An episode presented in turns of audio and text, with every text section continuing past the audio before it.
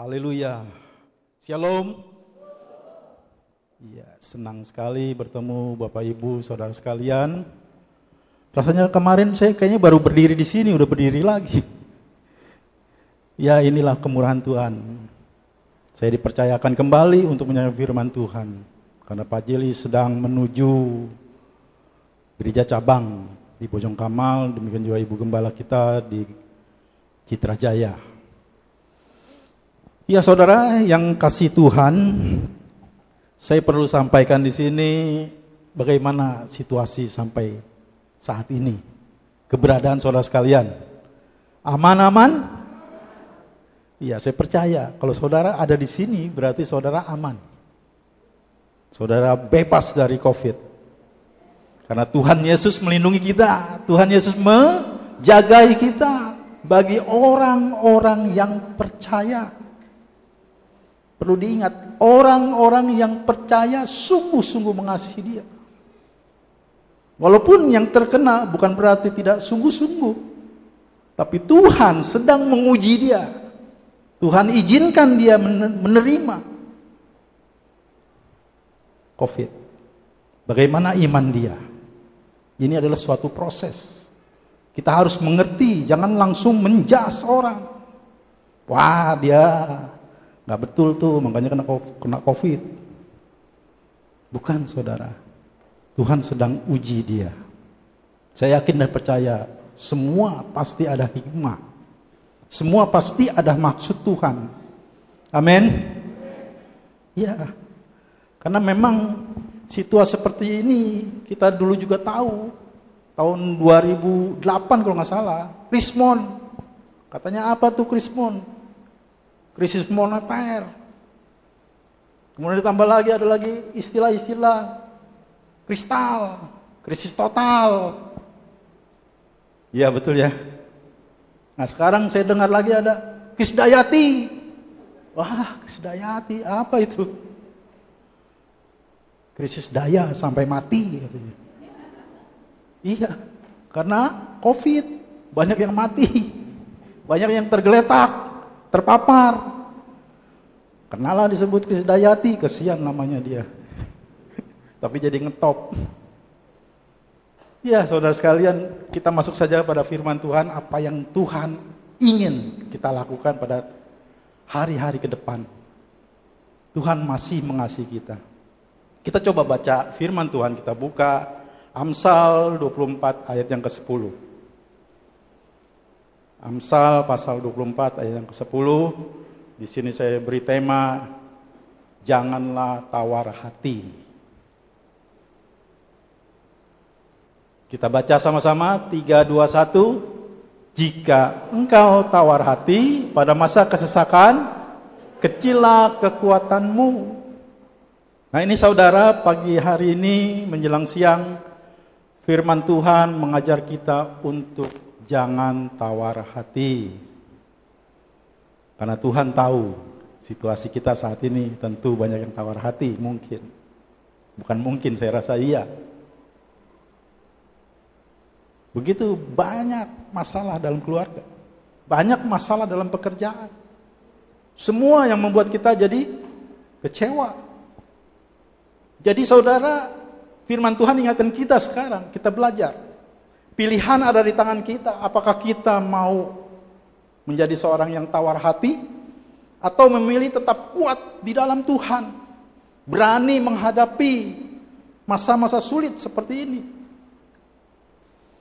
Saudara, di dalam kehidupan kita, firman Tuhan sudah katakan, firman Tuhan sudah ingatkan kita. Coba kita baca di Roma 8, kita coba belajar dari Rasul Paulus. Roma 8 ayat 35 sampai 39. Kita baca sama-sama 3 2 1. Siapakah yang akan memisahkan kita dari kasih Kristus? Penindasan atau kesesakan atau penganiayaan atau kelaparan atau ketelanjangan atau bahaya atau perang? Stop dulu.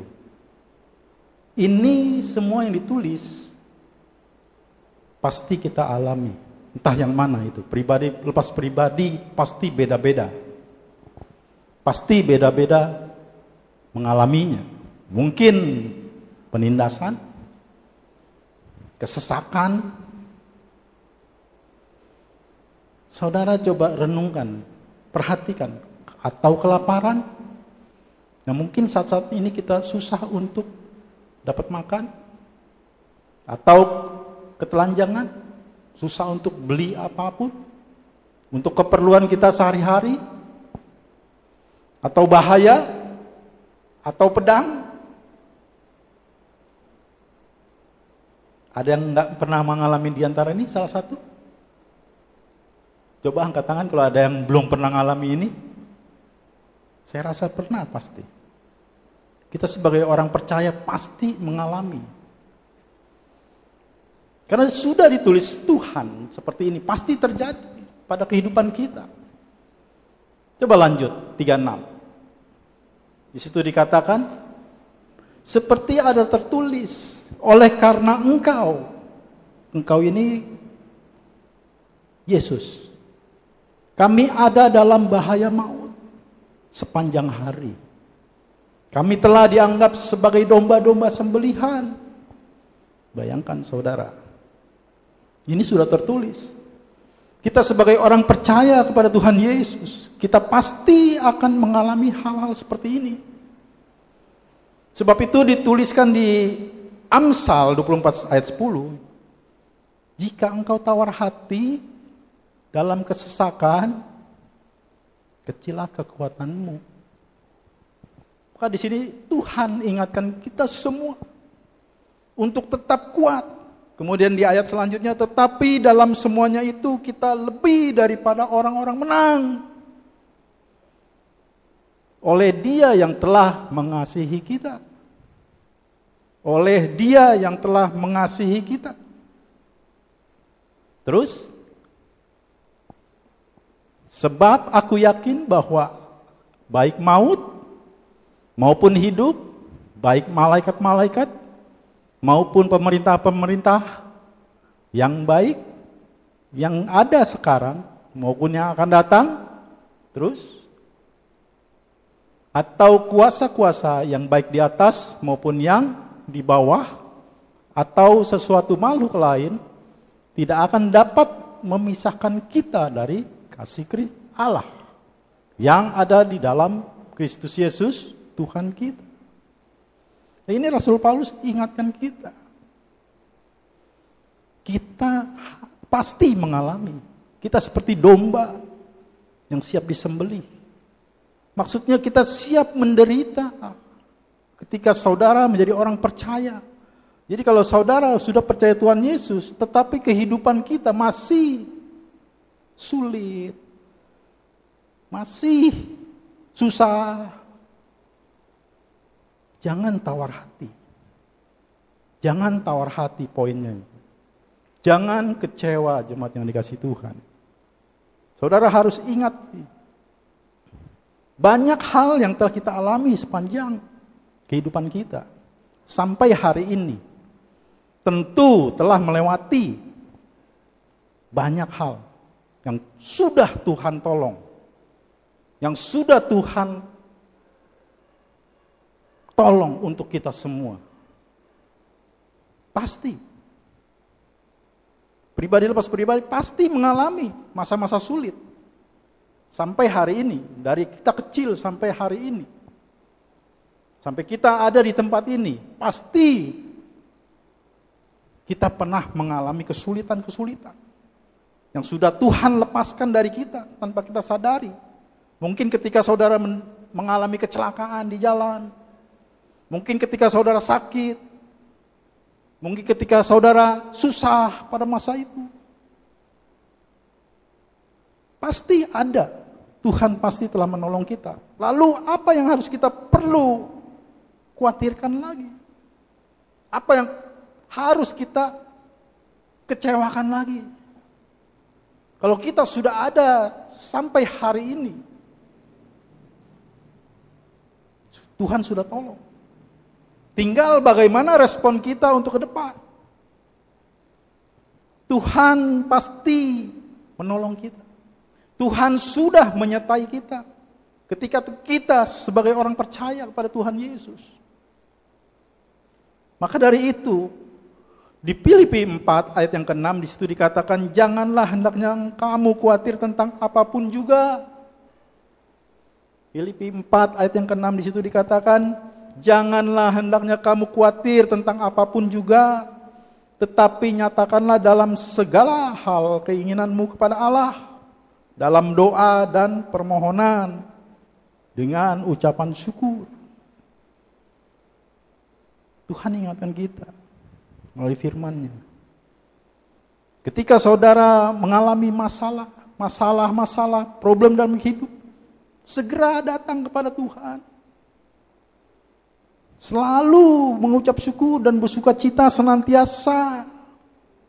Ini ada di 1 Tesalonika 5 ayat 16 sampai 18. Ini sering kali diucapkan ini ayat tidak asing lagi. Bersukacitalah senantiasa, tetaplah berdoa.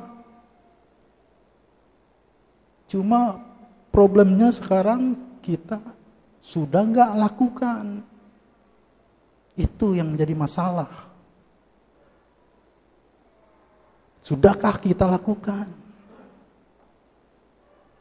Mohon maaf, gereja anjurkan ikut doa malam, ikut Zoom. Saya lihat hanya 100 jemaat. Belum semua. Padahal kalau semua ikut Zoom, wah luar biasa. Pasti berkat-berkat Tuhan melimpah atas mereka. Tidak ikut Zoom aja mendapat berkat, apalagi ikut Zoom, ikut doa malam. Pasti Tuhan perhitungkan. Tidak sia-sia datang kepada Tuhan Yesus. Pasti ada jalan keluar ketika ada masalah. Saudara jangan sampai apa yang sudah firman Tuhan katakan kita tidak lakukan. Sebab itu firman Tuhan siang hari ini mengingatkan kita semua untuk jangan tawar hati ketika masalah, problem, kehidupan melanda kita. Jangan tawar hati saudara yang dikasih Tuhan. Saya beri contoh seperti Raja Daud. Itu ada tertulis di Mazmur 42. Ayat yang kedua sampai ke enam. Di situ tertulis seperti rusa yang merindukan sungai yang berair. Demikianlah jiwaku merindukan engkau ya Allah. Jiwaku haus kepada Allah. Kepada Allah yang hidup Bilakah aku boleh datang melihat Allah? Air mataku menjadi makananku siang dan malam. Karena sepanjang hari orang berkata kepadaku, di manakah Allahmu? Inilah yang hendak ku ingat. Sementara jiwaku gundah gulana, bagaimana aku berjalan maju dalam kepadatan manusia. Mendahului mereka melangkah ke rumah Allah dengan sol, suara sorak-sorai dan nyanyian syukur dalam keramaian orang-orang yang mengadakan perayaan. Terus, enam, di sini ditanya, mengapa engkau tertekan hai jiwaku? Ini poinnya. Hai jiwaku dan gelisah di dalam diriku. Berharaplah kepada Allah. Sebab aku akan bersyukur lagi kepadanya, penolongku dan Allahku. Nah, di sini kita perlu belajar dari Raja Daud. Siapa yang tidak kenal Raja Daud? Dia mempunyai kekuasaan yang begitu luar biasa. Dia punya kekayaan luar biasa.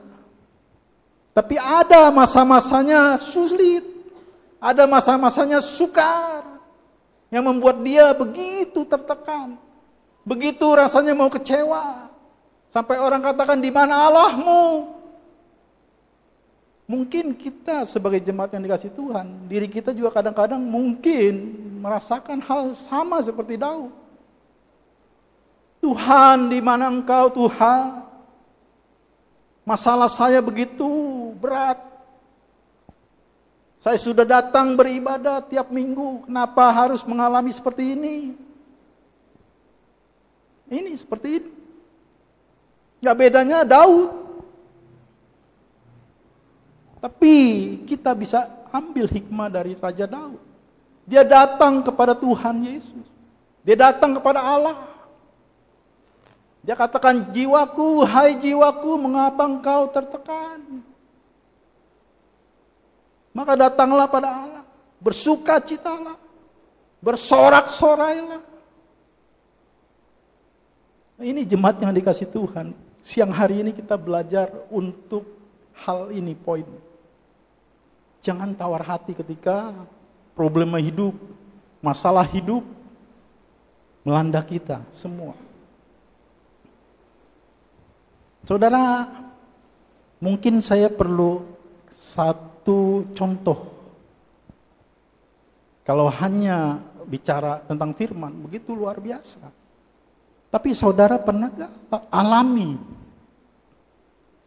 Jangan saudara tidak alami apa yang sudah tertulis, janji-janji Tuhan.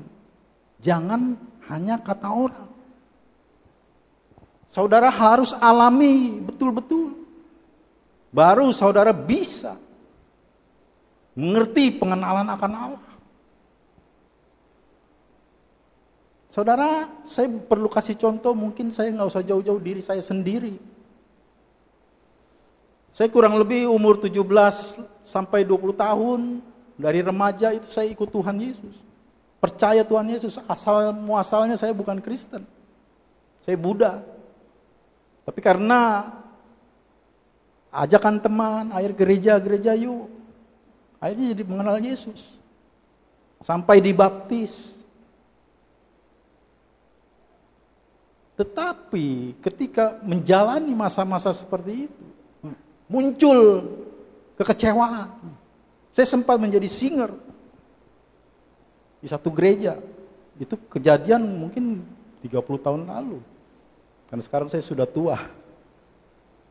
Sudah pala lima. Di saat itu saya meninggalkan Tuhan. Kecewa. Nah apa yang terjadi? Hidup saya bukan malah semakin baik. Bukan semakin baik. Saya berusaha dengan kekuatan sendiri. Mencari berusaha, hidup tidak benar, ikut pergaulan duniawi, masa-masa muda, sampai masuk pernikahan pun tidak secara gereja. Karena istri saya Buddha, ikut. Di situ saya mengalami itu jemaat yang dikasih Tuhan. Saya memberi contoh seperti ini, jangan sampai jemaat mengalami hal seperti saya. Jangan sampai saudara sekalian meninggalkan Tuhan, akhirnya berusaha sendiri, kekuatan sendiri, hidup dengan pergaulan bebas. Gak bedanya orang-orang duniawi. mencari ekonomi dengan cara jalan yang singkat, main judi. Saudara ingat, kalau saudara sampai siang hari ini masih ada yang suka judi, stop. Saya alami. Habis saudara. Dengan berusaha sendiri, bukan malah bagus. Makin habis. Rumah berantakan, keluarga terpecah. Pulangkan saja ke orang tuamu. Itu saya alami jemaat yang dikasih Tuhan. Istri, anak, ikut mertua. Saya ikut saudara. Itu saya alami. Hidup tidak benar. Berusaha dengan kekuatan sendiri meninggalkan Tuhan Yesus. Tidak pernah ibadah. Jadi saudara jangan merasa Ah gereja nggak apa-apa nggak ke gereja. Salah saudara. Justru saudara ketika datang ke gereja diberikan firman, diingatkan, diingatkan. Ketika saudara tidak ke gereja, semakin iblis masuk, semakin diberi impian-impian yang membuat kita jatuh semakin dalam. Saudara bayangin dulu saya tinggal di Bekasi. Kontrak aja sampai nggak ada kan bayangin saudara. 350 ribu sebulan. Padahal waktu itu pekerjaan saya cukup bagus. Tapi habis semua karena judi. Sampai ngontrak rumahnya nggak ada. Sedih saudara. Rumah tangga apa disebutnya? Tercerai berai. Itu saya alami. Sampai suatu hari Tuhan pulihkan. Tuhan mengasihi saya. Dikontrakan saya dengan adik saya. 350 ribu dibayarin. Kontrak dapat di belakang gereja. Dari Bekasi ke sini jemaat yang dikasih Tuhan sampai luar biasa Tuhan begitu bekerja. Pemulihan terjadi. Pas tinggalnya kontrak rumahnya juga petakan 350 ribu sebulan. Itu pas di belakang gereja gas alam. Nah di situ saya mulai dipulihkan, mulai beribadah, kenal Ibu Grace, Mulai rajin tiap minggu datang-datang.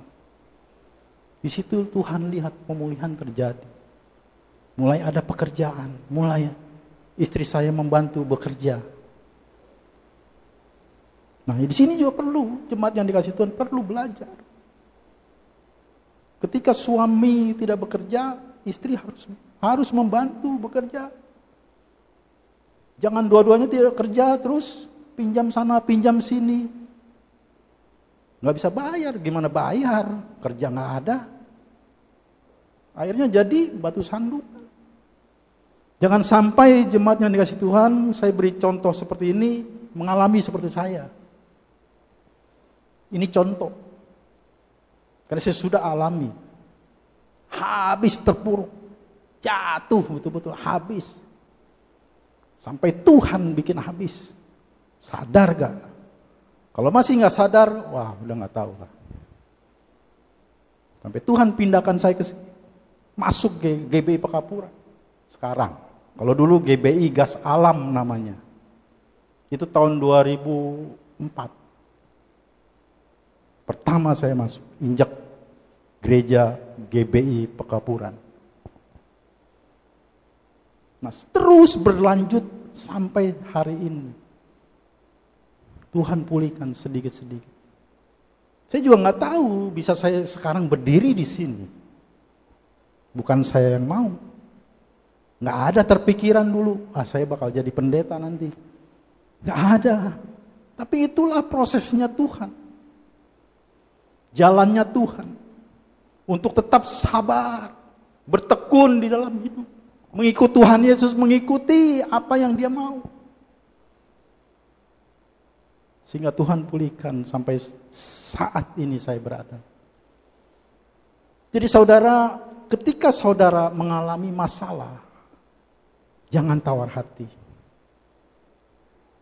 Jangan tawar hati, apalagi meninggalkan Tuhan. Ketika saudara mengalami masuk dalam pencobaan itu, semakin dekat. Seperti Raja Daud tadi katakan, Hai jiwaku, kenapa harus tertekan. Mari bersoraklah buat Tuhan. Amin. Ya, jemaat yang dikasih Tuhan. Karena kunci satu-satunya adalah percaya kepada Tuhan dengan sungguh-sungguh. Mazmur 37 ayat 3 sampai 5. Di sini dikatakan, percayalah kepada Tuhan dan lakukanlah yang baik Diamlah di negeri dan berlakulah setia. Bergembiralah karena Tuhan, maka Ia akan memberikan kepadamu apa yang diinginkan hatimu.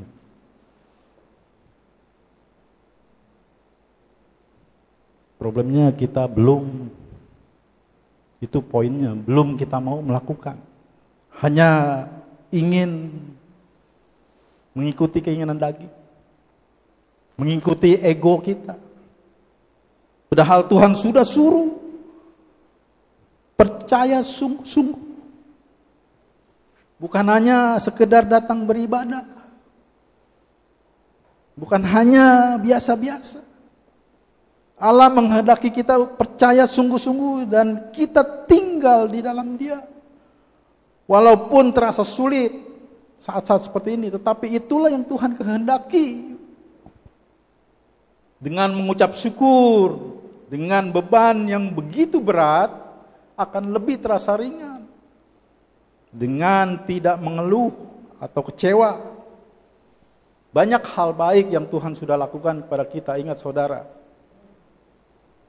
Saudara pasti pernah mengalami masa-masa sulit, lebih sulit. Tapi sudah Tuhan lepaskan hingga kita sampai hari ini ada di tempat ini. Sekali lagi saya katakan tadi mungkin kita pernah alami kecelakaan, Tuhan sudah tolong.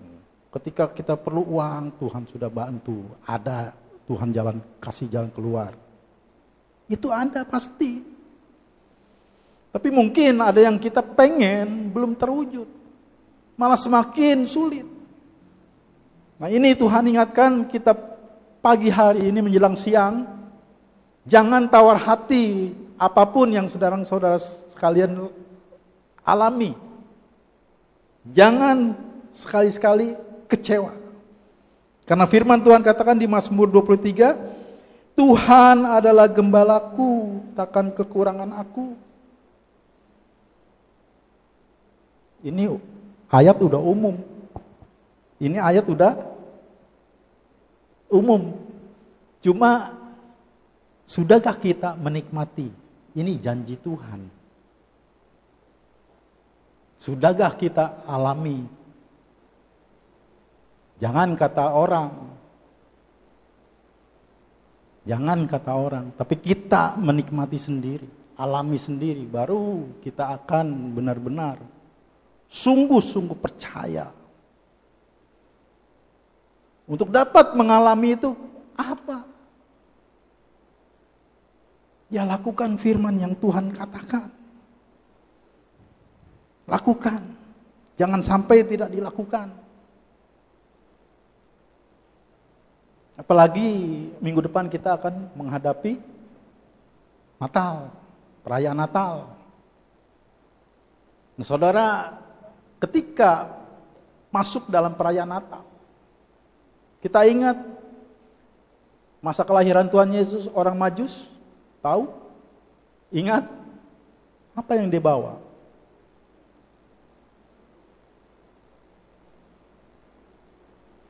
Ada yang ingat apa yang dia bawa? Harta, kemenyan, dan mur. Dia persembahkan Nah untuk kita sekarang ini, apa yang kita bawa nanti?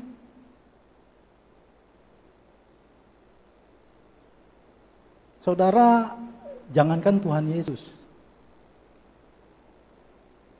Anak kita, mungkin teman kita, ulang tahun. Kita kasih apa? Kado? Kado ya? Selamat ulang tahun ya. Semoga panjang umur, sehat selalu, Tuhan berkati, ini kadonya. Nah ketika Tuhan Yesus lahir, merayakan minggu depan, apa yang kita bawa? Coba, apa yang kita bawa? Jemaat coba. Jangan dianggap sepele jemaat yang dikasih Tuhan. Ayatnya ada. Apa yang kita persembahkan? Mazmur, bukan Mazmur, Roma. Roma 12 ayat 1 dan 2. Coba kita baca sama-sama. 3, 2, 1. Karena itu saudara-saudara, demi kemurahan Allah aku menasihatkan kamu. Terus,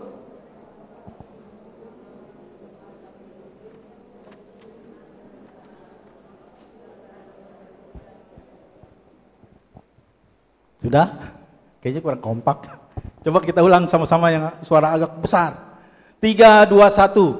Karena itu, demi kemurahan Allah, aku menasihatkan kamu. Supaya kamu mempersembahkan tubuhmu sebagai persembahan yang yang kudus dan itulah ibadahmu yang sejati. Nah ini perjanjian baru. Perjanjian lama membawa harta, membawa kemenyan, membawa mur.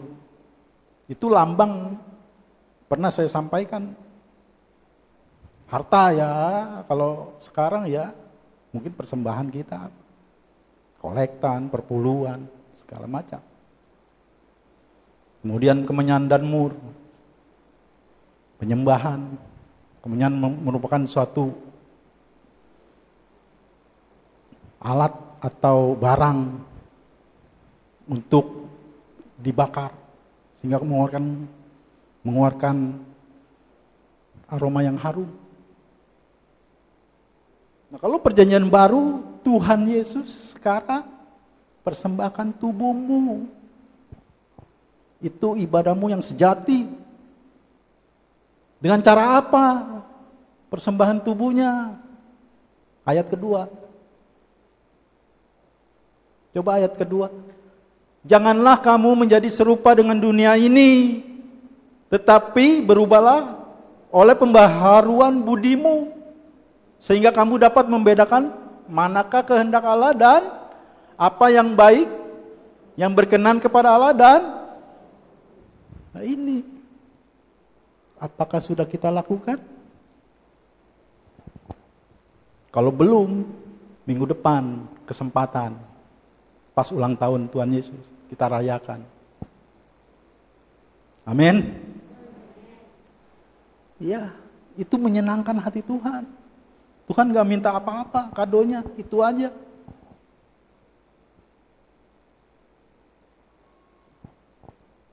Karena dengan melakukan seperti itu, pasti janji-janji Tuhan tergenapi. Segala kekhawatiran kita, segala masalah kita, tidak akan kita kecewa. Tidak akan kita tawar hati dalam kesesakan. Amin. Ya, perlu kita introspeksi diri. Ingat kembali. Kalau tadi saya kasih contoh diri saya sendiri, itu benar. Saksi hidup anak saya. Wah, Ngeri saudara. Parah. Lari dari Tuhan bukan semakin baik. Berusaha dengan kemampuan sendiri bukan semakin baik. Semakin hancur. Jadi kalau saudara saat-saat ini begitu menghadapi masalah, jangan tinggalkan Tuhan. Jangan kecewa.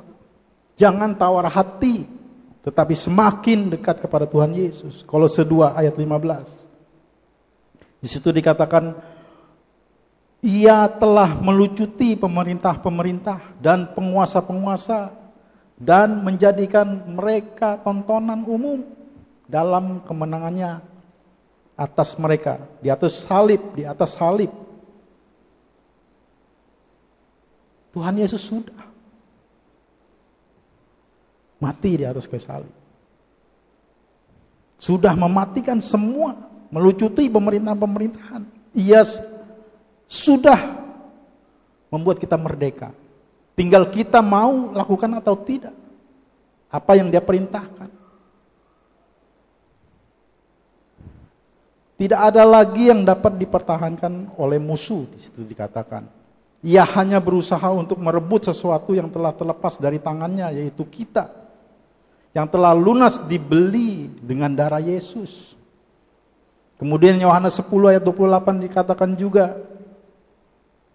Yohanes 10 ayat 28 dan aku memberikan hidup yang kekal kepada mereka dan mereka pasti tidak akan binasa sampai selama-lamanya dan seorang pun tidak akan merebut mereka dari tanganku.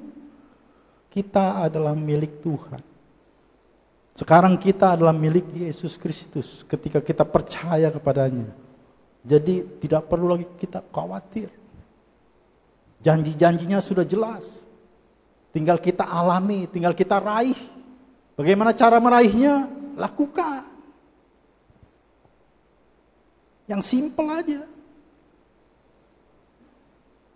Simple sebetulnya saudara yang dikasih Tuhan. Cuma karena kita hidup masih dalam kedagingan yang membuat kita sulit untuk melakukan apa yang Tuhan suruh. Itu problemnya. Biarlah siang hari ini kita menyadari untuk hal ini.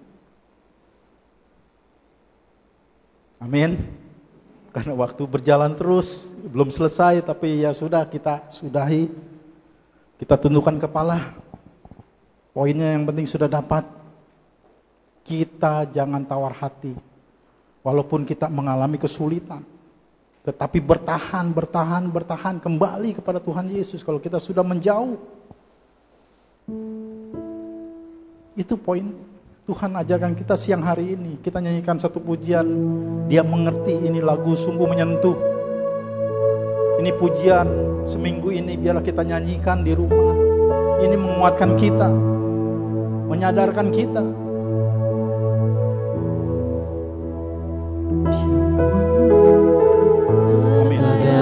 kita merasa Amin. Ada jalan terbuka Ya Tuhan Yesus, benar Tuhan, ini saya. Ini saya Tuhan. Ini saya. Terlambat sudah Coba saudara renungkan kata-katanya.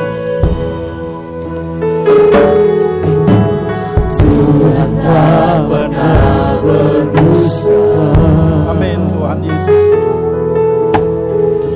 Dia